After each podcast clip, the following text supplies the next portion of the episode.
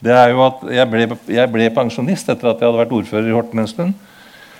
Eh, og, og, begynte, og, tok opp igjen det gamle historiefaget mitt, eh, som jeg i grunnen hadde eh, da, sett litt frem til å kunne gjøre. Og av de tingene jeg da har jobba med, så er det altså Kristoffer Hornsrud. da.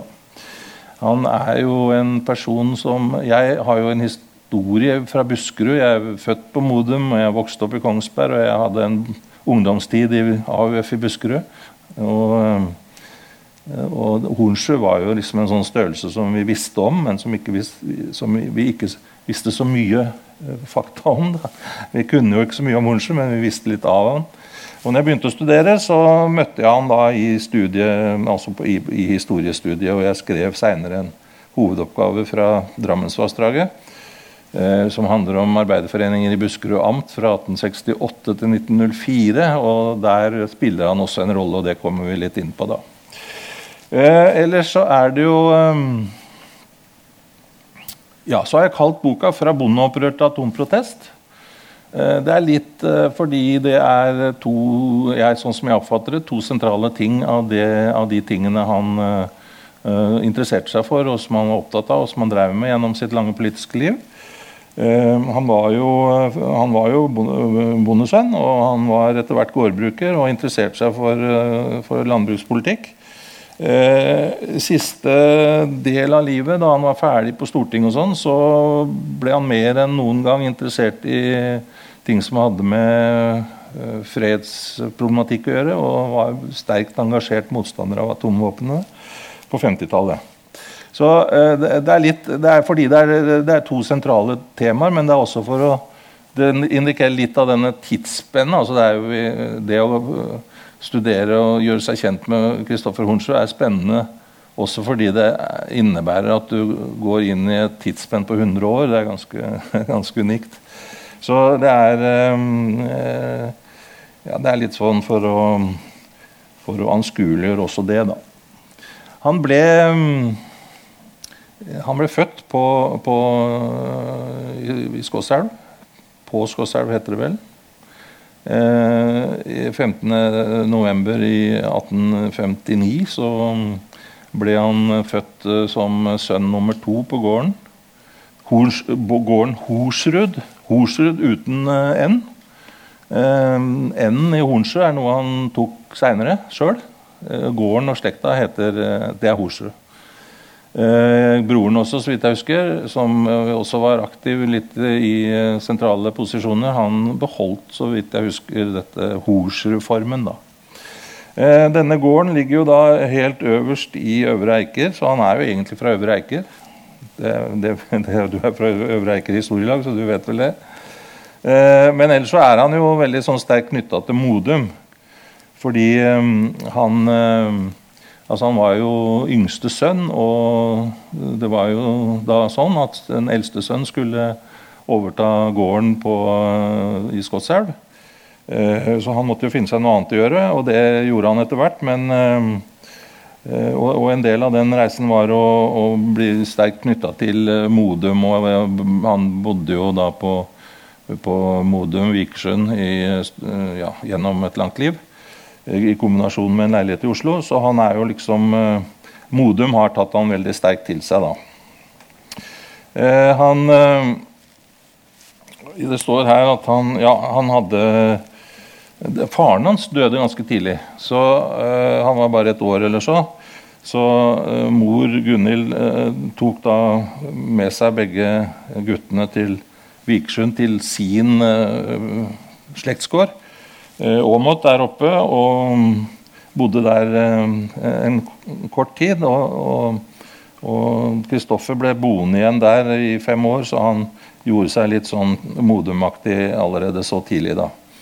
Eh, men så flytta han tilbake til gården der nede på Skosselv, og de bodde der. Han var en ihuga og ivrig bondesønn. Han, han elska å jobbe på gården. Eh, og var veldig aktiv eh, med gårdsarbeid.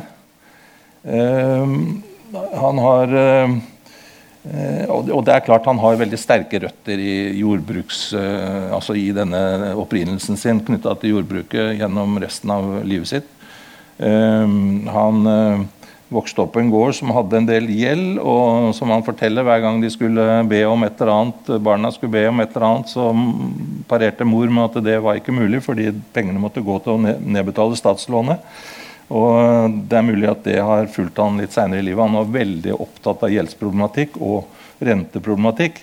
Eh, det var ikke så unaturlig, fordi det var, det var jo et av de største samfunnsproblemene for så vidt i, for store eh, samfunnsgrupper på, i mellomkrigstiden. Men, men, det ligger vel muligens eh, en, eh, en tilknytning til eh, problematikken allerede fra barnsben. Sånn sett.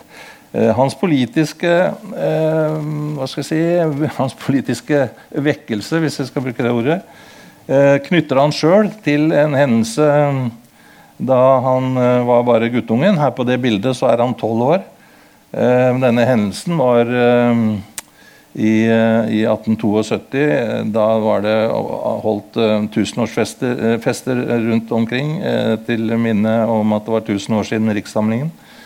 Og På en av disse festene, det var en svær fest på bygda der oppe ved Øvre Eiker, så var det et skikkelig godt spleiselag. og mm, De hadde bakt, og de hadde samla inn penger, og de hadde fått en skikkelig dreis på festen.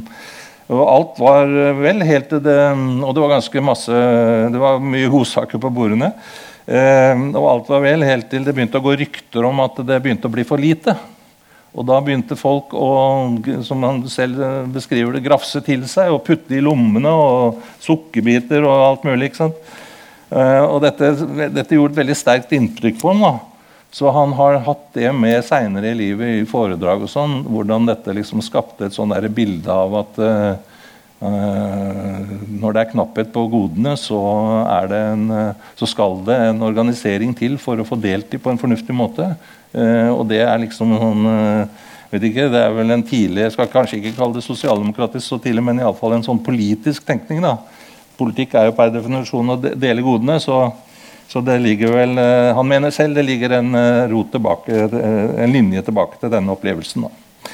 Eller så var han, Samtidig som han var veldig sånn praktisk orientert på gården, veldig flink med redskaper og dyr, og alt mulig sånn, så var han uh, veldig en, Åpenbart en intellektuell type. Han var veldig glad i bøker uh, og fikk sin egen Ex Libris-merke med 'Såmann' og 'Solen' osv. Og, og samla bøker gjennom et langt liv. Og de bøkene han da hadde, den boksamlingen han hadde bygd opp, det ble da når han gikk bort, så så hadde han testamentert det til Modum kommune. Så det er eh, fortsatt i eh, kommunehuset på Modum eh, i en eller annen form. Han, han hadde da mm, en del kvaler om hva han skulle gjøre og hva han skulle bli. Han, han var jo som sagt yngstemann, så han, selv om han var veldig glad i gården, så hadde han jo ingen mulighet til å overta den. Han mener sjøl kanskje det hadde vært bedre, en, eh, bedre, løsning enn at broren skulle overta, for han mener sjøl han var en bedre bondeevne enn broren. Da. Men det er muligens litt subjektivt. Men, eh, men iallfall så reflekterte han litt rundt det. Eh, han brukte tiden på å spare penger til bøker, og han brukte pengene på, på å bygge opp et bokskap hjemme på gården. og mens andre gikk på fest, så gikk Hornsrud til bøkene, heter, seg, heter, det seg. Så han, han var, og, og, skolegang var jo beskjedent. Ehm, det var i Øvre Eiker ikke noe sånn kjempegode skoletilbud. Det var litt dårlig der som det var de fleste andre steder. Ehm, men han hadde skolegang ehm, og greide seg godt. Men han var først og fremst selvlært. da. Så bare 16-17 år gammel så fant han ut han skulle, han så en annonse så fant han ut at han skulle prøve å respondere på den. Det var en annonse oppe fra Hønefoss hvor, eh, hvor det var en um, forretningsmann, Gårud, som da hadde satt inn en annonse og var ute etter en eh, betjent i butikken. Så han dro opp og gikk inn i butikken og må ha, må ha fremstått som et troverdig Eh, fordi han fikk eh, jobben og fikk prøve seg. Så han var da i butikk eh, Han var butikkmedarbeider oppe på Hønefoss i noen år. Og der, der fikk han nok også ja, fikk, fikk kontakt med det som rørte seg av politikk og samfunnsspørsmål. fordi dette var jo en butikk sånn i gråsonen mellom butikk og restaurant, eller iallfall en pub. det var man solgte Man hadde, man hadde brennevinsrett. Så det var en samling av folk stadig vekk utover kvelden. Og det var uh, harde diskusjoner. Og, og Hornsrud fikk da både aviser og diskusjonene over disken uh, tett innpå seg. På begynnelsen av uh, 80-tallet så um, var det en periode han tok over butikken der oppe, før han da i 83 reiste til Vikersund og ble handelsmann på, i Vikersund. Eh, I dette hvite bygningen der, som i hvert fall ifølge opplysningene, så skal det ha vært et, eh, et kjøpmannshus som han eh, etter hvert kjøpte faktisk og tok over. Men han ble jo veldig politisk engasjert. og Han gikk rundt 1880 så, så gikk han inn i Venstre, eller de for Venstreforeningene da, som det var for så vidt før Venstre ble eh, danna, men, men, han gikk inn i dette miljøet og disse foreningene og disse lagene som var etablert. Så han ble aktiv venstremann fra 1880 og utover på 80-tallet. Og det var stemmerettskampen som var, eh, var det han brant for. da. Um, det, og Der, der var, hadde han radikale standpunkter, fordi han mente for det første at uh, han skulle ha ned stemmerettsalderen, men han skulle også ha stemmerett for både kvinner og menn. Og eh, jeg har med dette bildet som vi fant av, eh, av 100-årsdagen for eh, Bjørnsons fødsel. Det er en markering på grava til Bjørnson, hvor Hornsrud holder tale som visepresident på Stortinget. Men det er en linje derfra tilbake til denne kampen for stemmeretten på 80-tallet. Fordi han, han, han, han, ble, han ble skuffa over at han for Bjørnson var en sånn helt, han, men han ble skuffa fordi selv, selv, Bjørnson mente han gikk for fort fram. da. Han gifta seg etter hvert med, med Mathea Nøkleby. Hun var oppe fra Nordre, Nordrov. Hun var vel oppe i det området, en, en gård hun kom der opp fra. Og, og, han etablerte da en familie. Vi har jobba litt med dette familiebildet som vi fant. Uh, Mathea er utvilsomt uh, dama til venstre. Eh, dette, dette familiebildet eh, der, der, følger det ikke noe, noen uh, god oppskrift på hvem som er venn, men vi har, vi, vi har resonnert ut fra fødsels... Altså alder og sånn. Altså mener vi å, å vite at det er navnelista på barna sånn som det står, står over bildene. Det, det er eh, etter alt å dømme en ukjent kvinne der. Eh, fordi vi mener at Emma Arndorra, eh, en av jentene hans, døde så tidlig at ikke hun kan ha vært med på dette bildet. da. Familien ble viktig for Hornsrud. Helt åpenbart barna var veldig viktig. Hun tok det tungt når den yngste jenta døde veldig, veldig tidlig. Uh, og i 1902 eh, så begrunner han uh, ja, 1901 var det vel, han begrunner da hvorfor han kjøpte en bygård i Oslo og flytta inn dit fra Modum, hvor han jo likte seg godt og hadde gården sin. han begrunner det med hensynet til muligheten for å gi barna en fornuftig og god, best mulig skolegang. så alt tyder på at han var knytta både til kona si og til barna opp gjennom eh, et langt liv.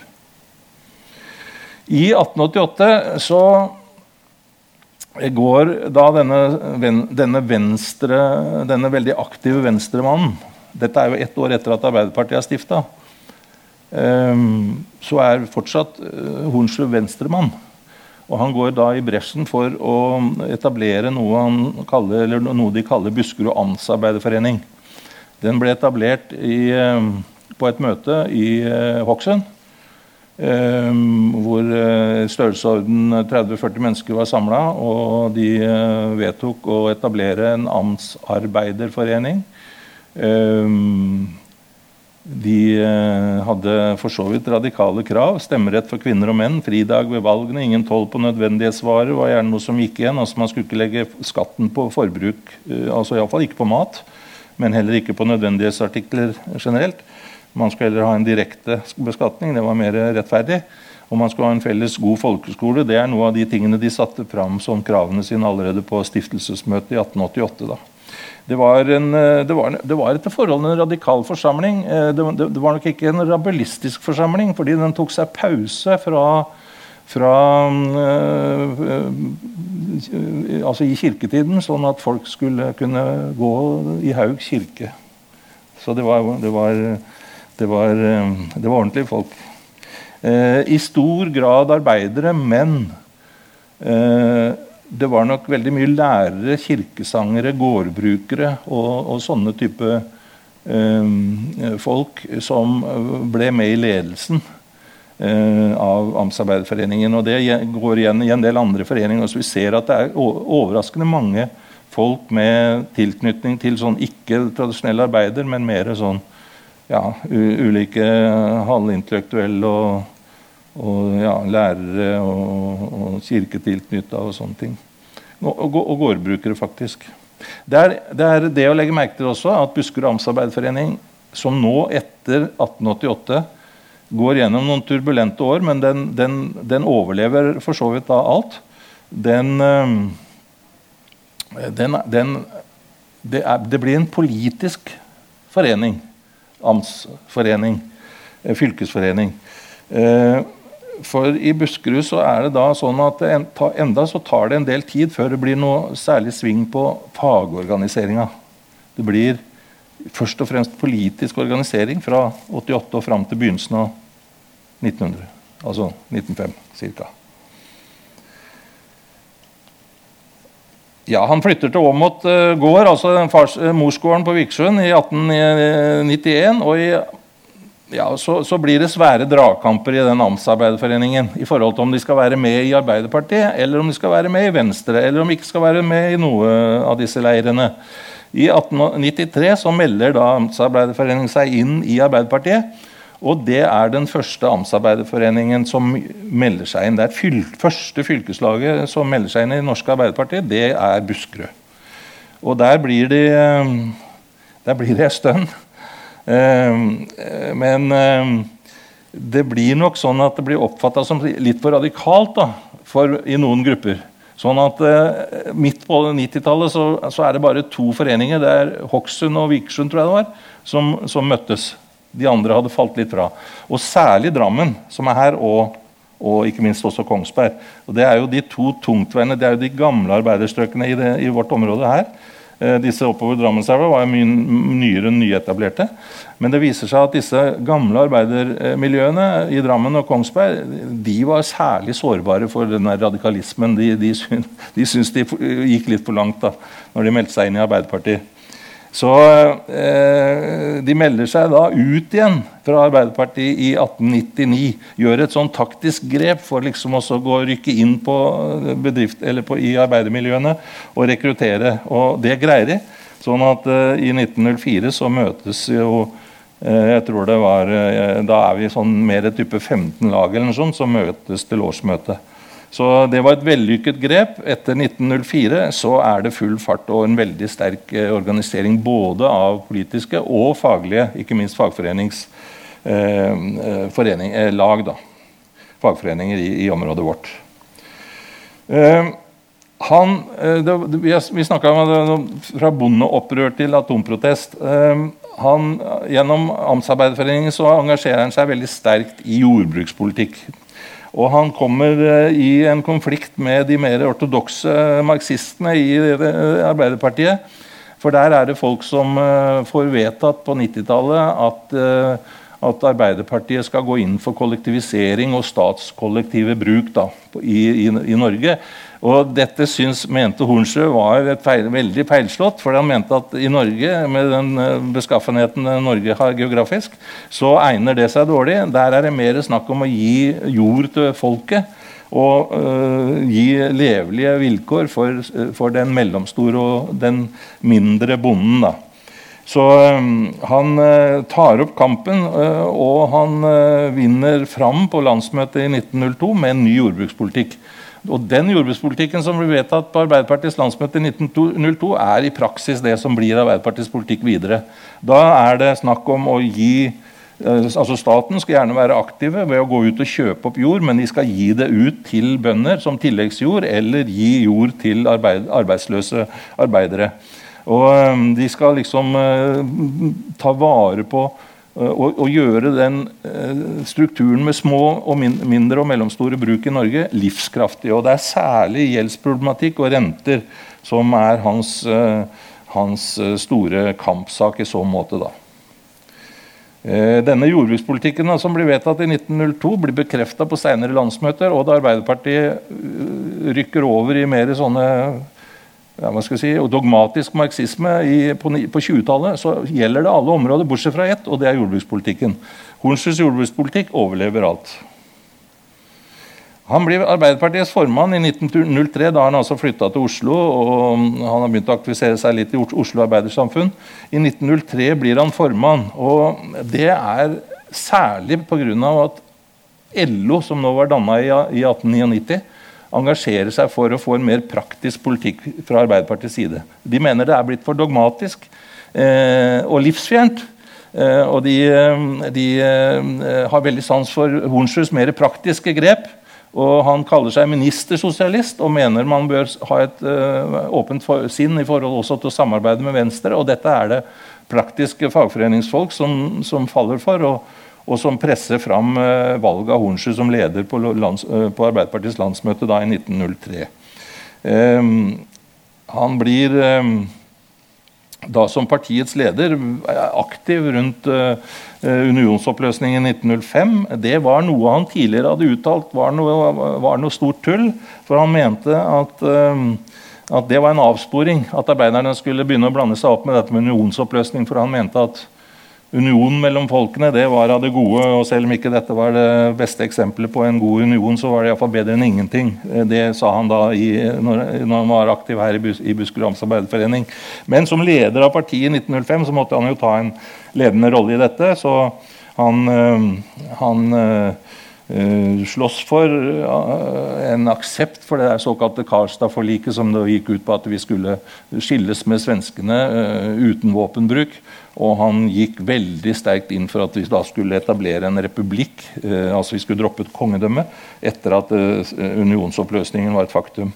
Ble, sånn gikk det jo ikke. Det ble, det ble, det ble kongedømme med kong Haakon, en konge han for øvrig kom til å samarbeide ganske bra med eh, i forbindelse med sin første tid som, eh, som statsminister på slutten av 1920-tallet.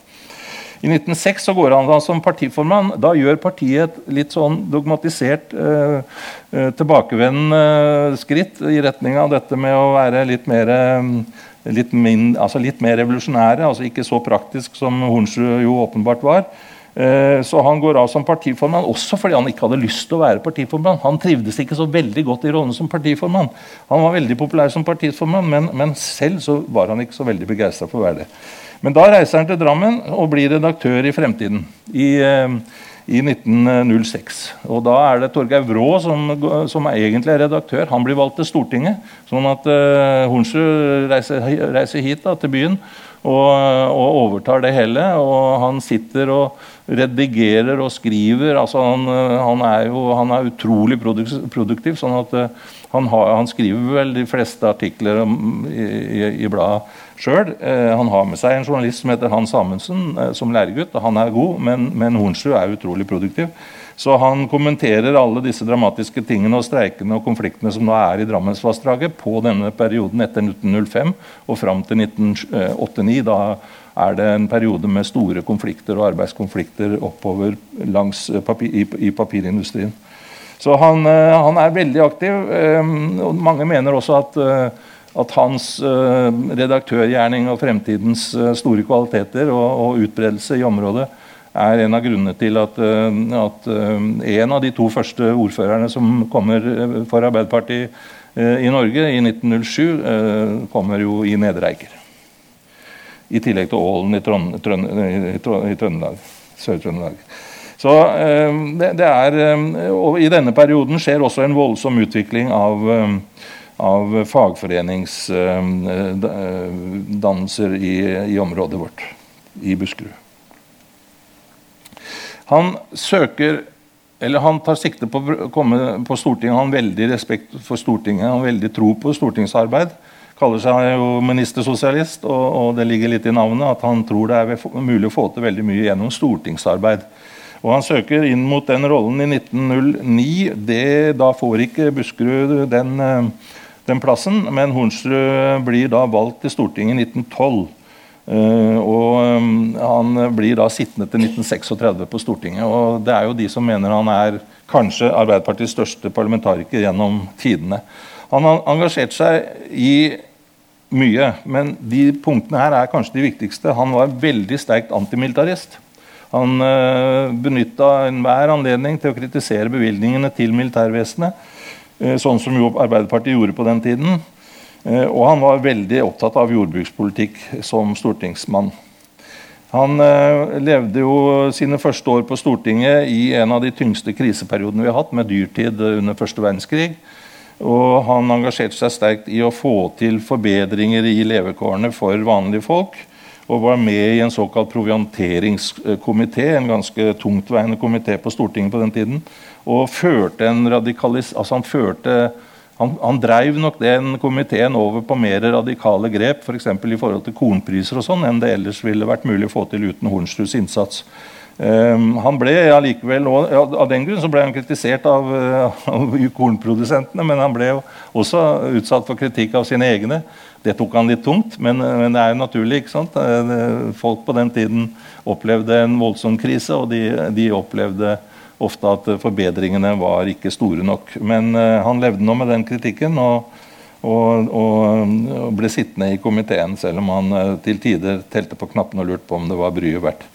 Han drev en uh, motkonjunkturpolitikk som for, særlig etter krigen, så på slutten av krigen så, så gikk det veldig en periode der trått med økonomien. og, og han lanserte da tiltak som minner mye om dette med Keynes og, og og en aktiv stat eh, imot denne forestillingen om at man skulle liksom bare la kreftene liber, altså, I motsetning til liberalismen, da, som ville liksom la det skure og gå mer, så var han veldig opptatt av at staten måtte gå inn og gjøre aktive grep for å stimulere etterspørselen. Han, han latterliggjorde veldig en sånn borgerlig eh, foreningsdannelse som het 'mindre forbruk'. De gikk med sånne de, de, veldig rike de gikk med sånne merker med mindre forbruk. Det latterliggjorde han veldig. Fordi han syntes dette var, dette var jo det motsatte av hva økonomien trengte. Man måtte jo skape etterspørsel og aktivitet. Han eh, markerer seg jo som ministersosialist. Eh, I perioden fra 1918 til 2020 så er det jo store splittelser i, i partiet. Eh, men der, eh, i den perioden, selv om han kaller seg ministersosialist, og han blir liksom gjerne sett på som litt sånn på høyresiden i partiet av noen, så, for, så, så holder han seg i Arbeiderpartiet. Men sosialdemokratene de gikk jo liksom ut og dannet sitt eget parti på høyre side av Arbeiderpartiet. Kommunistene ut på venstre side. Men uh, Hornsjø holdt seg i partiet gjennom hele perioden. Og var en av de som jobbet mest aktivt for å Eh, for å få til samling igjen mellom de partiene som da hadde splitta seg opp og gått hvert til eh, sitt en periode på noen år. Eh, et viktig virkemiddel i det arbeidet var den såkalte Arbeiderbonden. Det var et blad han redigerte på denne tiden. Et blad som partiet hadde satt i gang, og som ble, ble kom ut et par år på begynnelsen av 20-tallet. Han brukte Arbeiderbonden og redaktørrollen der som som eh, en, et, et, en veldig plattform for å jobbe for samling i arbeiderbevegelsen. Den samlingen kommer, eh, den blir det faktisk noe, noe, av. Blir, samlingen skjer i 1927 ved at Arbeiderpartiet og Sosialdemokratene går sammen igjen. Kommunistene blir eh, for, i, i, noen grad værende. Men mange av dem blir også med i denne samlingen som skjer i 1927. Det var et veldig aktivum i forhold til å bygge tillit til folk. Det medførte en stor valgseier for Arbeiderpartiet høsten 27. Og Arbeiderpartiet blir da for første gang det største partiet på, på Stortinget. Så, eh, som jo ikke hadde flertall, for all del, men det var det største partiet. De borgerlige partiene, særlig Høyre, gikk kraftig tilbake. De hadde jo hatt statsministeren, og, og de gikk kraftig tilbake. Eh, og de gikk da så kraftig tilbake at den Høyre-statsministeren eh, Lykke måtte da søke avskjed. Og fikk eh, eh, avskjed i nåde fra kongens side. Og spørsmålet da var jo hvem skulle danne regjering. Dette blir et veldig sånn dramatisk eh, en, en, en, Dette er vinteren 1928, da, og det blir en veldig dramatisk liten episode, men ganske tungtveiende episode i vårt parlamentariske liv. Eh, spørsmålet var eh, hvem skulle kongen henvende seg til? Hvem skulle danne regjering i denne situasjonen når Arbeiderpartiet var størst, men hvor det var et borgerlig flertall allikevel. Eh, Hornsjø er på det tidspunkt visepresident på Stortinget. Og han eh, blir da innkalt til, eh, til eh, kongen sammen med Hambro, som var president. Eh, og kongen vil da høre råd. Eh, Hambro trekker seg litt tilbake, for han føler kanskje at det er riktig at Hornstrud sier noe om dette. Og Hornstrud sier at i den situasjonen, og hvis du skal følge vanlig parlamentarisk tankegang, så må kongen henvende seg til Arbeiderpartiet. Det sier han selv om han vet at Arbeiderpartiet sitter da nede i sine kontorer og er veldig i tvil om det er riktig å ta regjeringsmakt hvis de nå skulle få den. Fordi det var jo noe med at de hadde latterliggjort litt dette å sitte som uh, i mindretall i regjering og administrere kapitalismen. Så om de var klar for å ta regjeringsmakt hvis de var tilbudt den, det visste ikke Hornsrud. Men han var veldig klar på at han skulle prøve å tilrettelegge for at de kom i alle fall under et visst press for å si ja hvis det skulle bli en mulighet. Og han ber kongen henvende seg til, til um, Arbeiderpartiet. Det blir veldige, Det går rykter om dette. Det blir voldsomme protester i den borgerlige politiske lei. Eh, Mowinckel fra Venstre oppsøker kongen og, er veldig uh, agitatorisk på at kongen må la være, fordi det vil være, så, vil være en stor katastrofe for landet. Uh, Aftenposten skriver i truende form at hvis, hvis kongen uh, altså Det må ikke skje at kongen går til Arbeiderpartiet. Kongen gjør da på det som i, fall i ettertid har blitt sett på som en ganske selvstendig handling. Han går da, beslutter og bestemmer seg for å gå til Arbeiderpartiet. Så han går til Arbeiderpartiet og ber Arbeiderpartiet danne regjering. Og um, Det er da han har denne, denne kjente formuleringen om at når han får kritikk, bl.a. for Aftenposten, så sier han 'jeg er også kommunistenes konge'. Han gjorde nok på det gjennom den øvelsen et av de viktigste og kraftigste eh, tiltak for å styrke kongedømmets stilling i Norge. Med de klassemotsetningene som kommer på 20-tallet og 30-tallet seinere, så tror jeg nok at kongens erklæring om at jeg er også, eh, også kommunistenes konge, har stor betydning. Denne regjeringen blir da omsider utnevnt. Eh, for når jeg sier omsider, så er det også for at Arbeiderpartiet var jo i tvil når de fikk det der. Men der er litt sånn bordet fanger skulle liksom si nei, det får vi ikke til. Nei, det, det. Så, så, det blir da et beslutning om å, gå, om å danne regjering. Da blir jo da neste spørsmål hvem skal være statsminister. Og da er det Nygaardsvold som blir holdt fram. Allerede da.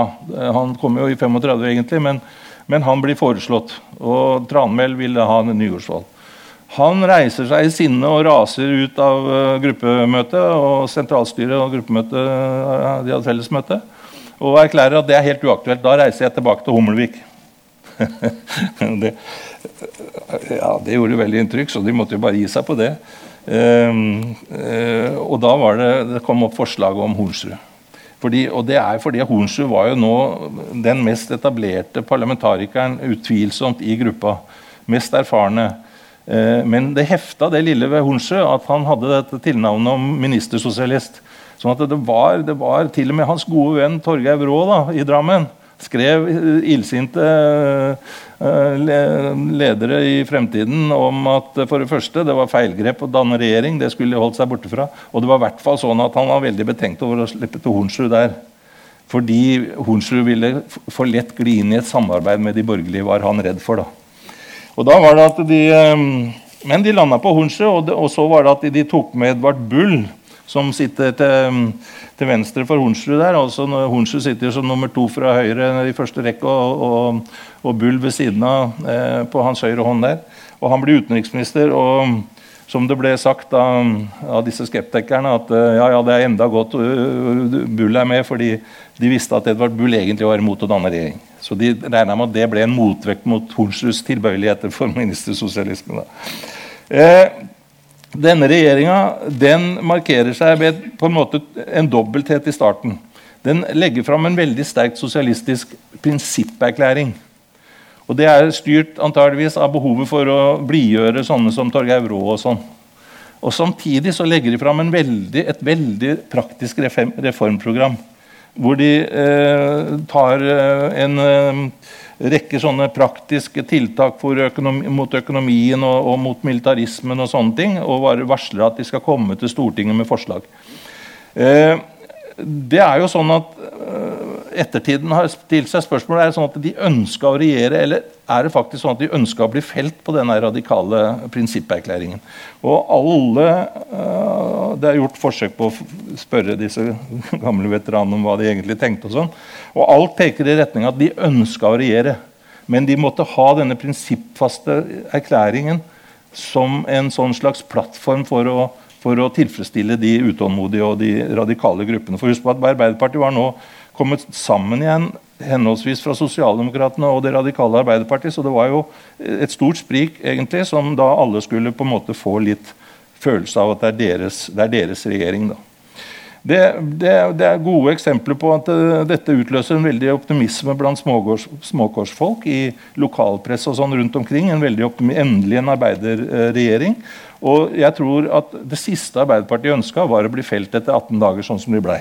De hadde ønska å sitte og gjøre praktisk politikk. Eh, men sånn ble det ikke, fordi bankkapitalen aksjonerte. Eh, eh, direktøren for Norges Bank gikk til Mowinckel og sa til Mowinckel, som var leder for Venstre, du må sørge for at Stortinget får kasta denne regjeringen. Uh, og det skjedde. Um, etter 18 dager måtte Hornsrud uh, bøye seg for et mistillitsforslag fremmet av, sin, av, lederen for sitt gamle parti Venstre. og, og, og seinere i livet så ble han spurt hvordan han følte, hvordan følte du dette. Og det er ingen tvil om at han var ganske bitter. Bitter på sitt gamle parti, som ikke lot han få prøve seg mer enn i 18 dager. Eh, og som han sier litt sånn selvironisk eh, Jo, jeg, jeg, feiret med champagne. Og det gjorde han. Han ble spurt av noen journalister da når han gikk. Hva skal du gjøre nå? Nei, nå skal jeg på polet og kjøpe en flaske champagne. og skal jeg feire. Og det gjorde han. Men det, var med en, det, var med en, det var med en noen bitter, uh, litt sånn bitter så, sårhet under det hele. Denne regjeringen satt i 18 dager. Einar Gerhardsen har uttalt seg om dette og sier at det betydde til tross for 18 dager betydde veldig mye for mulighetene for å få etablert en langvar, langtsittende og, og, robust regjering i, i 1935 med Nygaardsvold. Uh, og andre har også sagt det samme, at denne regjeringen, til tross for at den satt kort, så ble det et slags gjennombrudd for Arbeiderpartiet som regjeringsparti. Sånn at det har uh, en langsiktig betydning. da. Han øh, går da tilbake til Stortinget som visepresident og finanspolitiker. Han sitter her i finanskomiteen, og han tar opp kampen mot gjeldskrise og arbeidsledighet. og øh, er veldig klar i en rekke innlegg i forhold til fascismen, som, vokst, som, har, som jo har fått makten i Italia, og seinere ut på 30-tallet også fascismen som vokser fram i Tyskland. Og det er det er hele veien en veldig fokus uh, ustanselig fra Horns side når det gjelder kampen mot militarismen. Han uh, ser, uh, ser krisa på landsbygda, han ser mye av løsningen i den økonomiske krisa på 30-tallet. Uh, I en omprioritering fra forsvarsbudsjettet og over i andre produktive budsjettposter som kan gi arbeid til folk. Han, han, han, er jo, han, er jo, over 70 år nå, men han, han eh, er jo still going strong og fortsetter på Stortinget fram til 1936. Og han holder noen, noen voldsomt flotte taler på Stortingets talerstol mot den borgerlige regjeringen da når denne krisa for alvor setter inn etter 1929. Og han engasjerer seg veldig sterkt i uh, arbeidet som partiet da gjør med, på, begynnelsen av 30-tallet i omleggingen av en mer praktisk politikk. For det er jo det som skjer i 1933 at Arbeiderpartiet forlater den dogmatiske linja de nå har hatt noen år, og lager et program, hele folket i arbeid og by og land hand i hand, Eh, og Hornsrud eh, deltar aktivt og skriver bl.a. denne brosjyra som dere ser her, som heter 'Renter eller det daglige brød', hvor han veldig sterkt eh, engasjerer seg til fordel for tiltak mot gjeldsbyrde og rentetyranni og jord til de arbeidsløse. Staten skulle kjøpe opp jord og gi til de arbeidsløse. På den måten ville folk komme i arbeid. Penger skulle føres fra forsvarsbudsjettet over til disse type oppkjøp og disse type ting som kunne gi arbeid til folk. Og Han advarer veldig sterkt mot Bygdefolkets krisehjelp, som jo var en, en sånn slags aktivist ja, en sånn, Det var en forening rundt på bygdene, særlig på Østlandet, som engasjerte seg De hadde gode formål, de engasjerte seg veldig sterkt mot gjeldskrisa og mot tvangsaksjoner.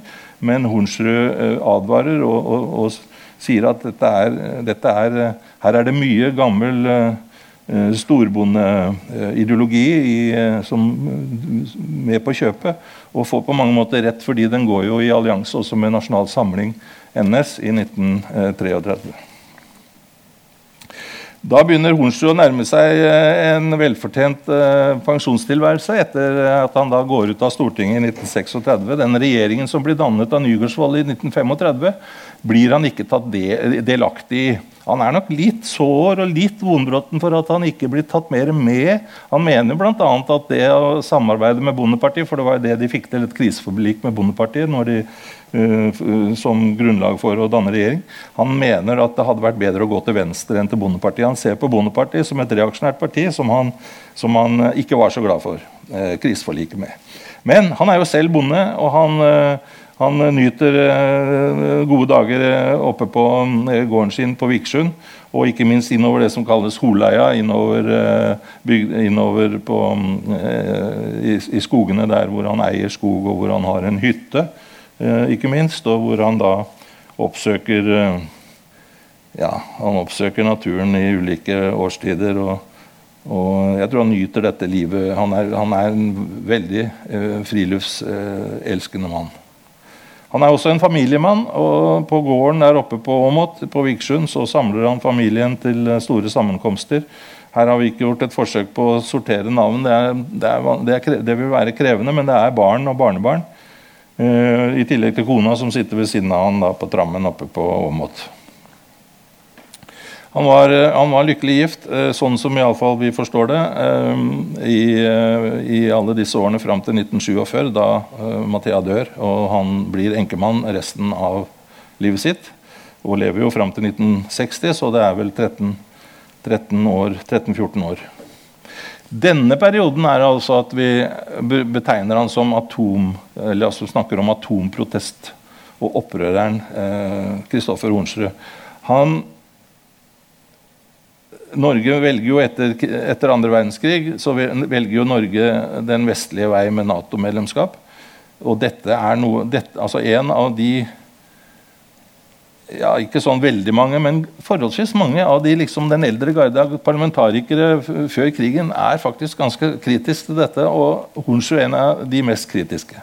Og han er såpass kritisk at han eh, at han, det, det, blir jo etablert en sånn avis som kaltes Orientering eh, i 1952-53 av atomvåpenmotstandere eh, i partiet. Og det var jo en sånn slags opposisjonsparti, eh, opposisjonsparti innad i partiet. da.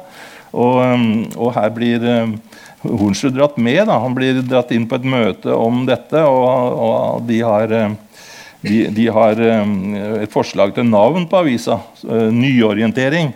Hornsrud sier men hvorfor ikke bare orientering? Det kan jo være nyorientering, det også. Ja, det, det, blir, altså, det må dere huske på at avisa Orientering det er Hornsrud som har laget navnet til det.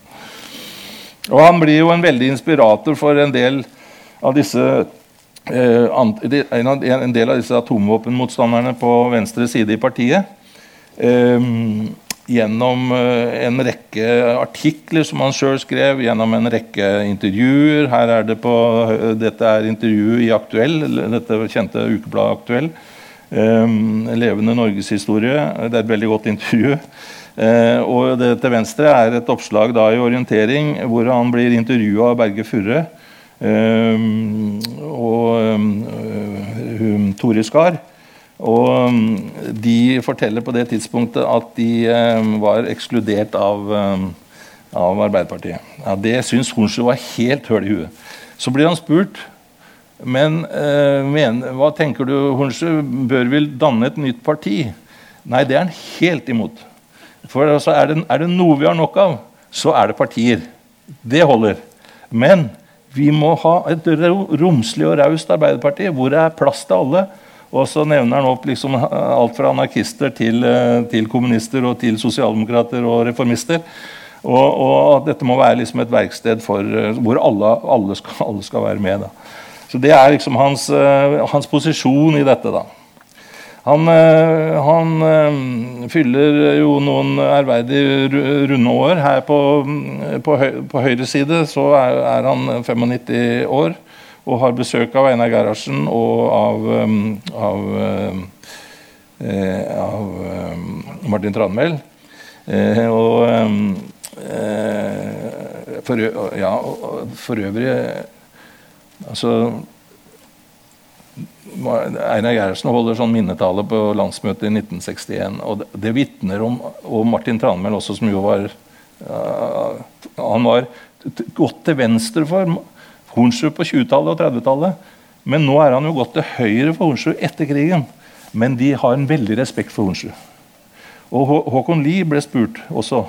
Um, Lahlum spurte Håkon Lie, han skrev den svære biografien, hva han syns om Hornsrud som jo var en opposisjonell i partiet og i forhold til atompolitikken og USA og Nato-sporet etter krigen. Han har veldig respekt for Hornsrud. Og, og, ikke minst Håkon Lie også sier at regjeringen hans i 1928 var et gjennombrudd for Arbeiderpartiet. Så han, eh, jeg tror det er ærlig ment når de kommer og, og smiler og, og, gir ham blomster og, og, hyller ham. Og på 100-årsdagen En del av dere vet kanskje at, um, at, en av hans beste venner, Hans Johansen, da, eh, var fra Drammen. Um, han bodde oppe i Halvorstua oppe i åsen her.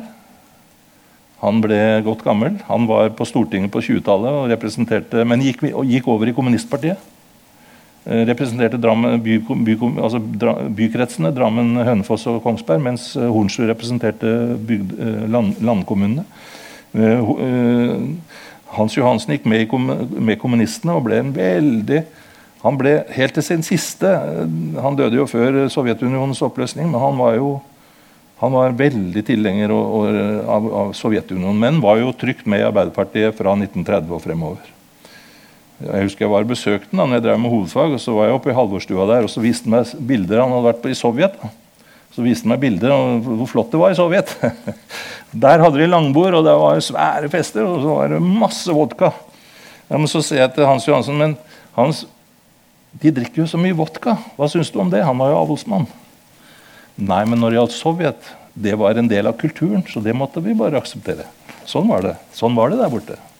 Og her har han skrevet, eller redigert da, en, en sånn samling artikler, et festskrift, vil det, det vi kaller det i dag, til Hornsrud på hans 100-årsdag. Og han leser for Hornsrud eh, fra boka eh, 'Hornsrud eh, 100 år'. Og så blir han jo markert som Modums store sønn ved at det blir etablert en statue eh, der oppe eh, rett ved siden av rådhuset på, eh, på Vikersund. Og det er eh, Grøstad heter eh, bildet En ung en, eller en alle som er yngre enn meg, er unge, da, men hun, er, hun, hun, er, hun var litt yngre enn meg. Uh, hun var bilde, bildehogger. Sønn av, nei, datter av Grøstad, bildekunstneren fra Flatdal, eller oppi der. Uh, har laget den der. Og um, blir, uh, den blir jo da avduket, er nettopp avduket nå når vi ser dette bildet her. Og det er da Reiulf Steen som vi ser, og Egil Ranheim som var ordfører på, på, på Modum. Eh, Egil Ranheim var eh, papir, papir, papirarbeider eh, og, og ordfører en årrekke på Modum. Einar Gerhardsen som sagt, holder et, for, et minneord om Kristoffer Hornsrud på landsmøtet i 1961. Han døde jo tett oppunder jul i 1960, 101 år gammel. Um, og Einar Gerhardsen holder da sitt, sine minneord. Um, og han uh, sier at Hornsrud uh, det er hovedforklaringen på at sosialdemokratiet i Norge har stått sterkere på landsbygda enn det sosialdemokratiet har gjort i noe annet land.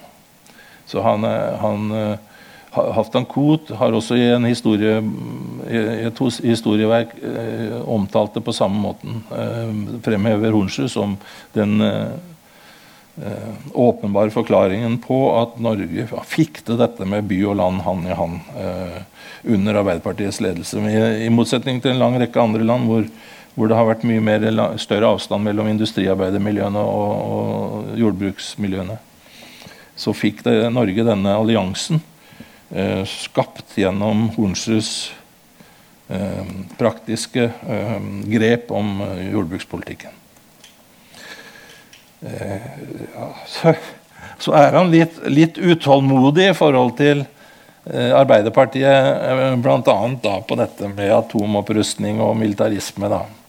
Og I et av, sine, et av de siste intervjuene så Eh, så trøster han seg til kvinnene. Så dere må ta det til dere. De, som han sier i dette intervjuet, de er mange. Og med flertallets rett kan de gjerne en dag overta den ledende stilling i stat og kommune. Et flertall av kvinner vil sik sikkert stille seg mer sympatisk til fredssaker. Der vil hjerter og følelser være med i av avgjørelsene, og det, ikke, og det, er ikke, det minst viktige. Og han... Mener selv da, at det går en linje i hans kvinnepolitiske engasjement fra denne uttalelsen og tilbake til han på 80-tallet, 1880-tallet gikk i bresjen for stemmerett for kvinner i tillegg til menn. Ja. Det var det jeg tenkte jeg skulle si om dette.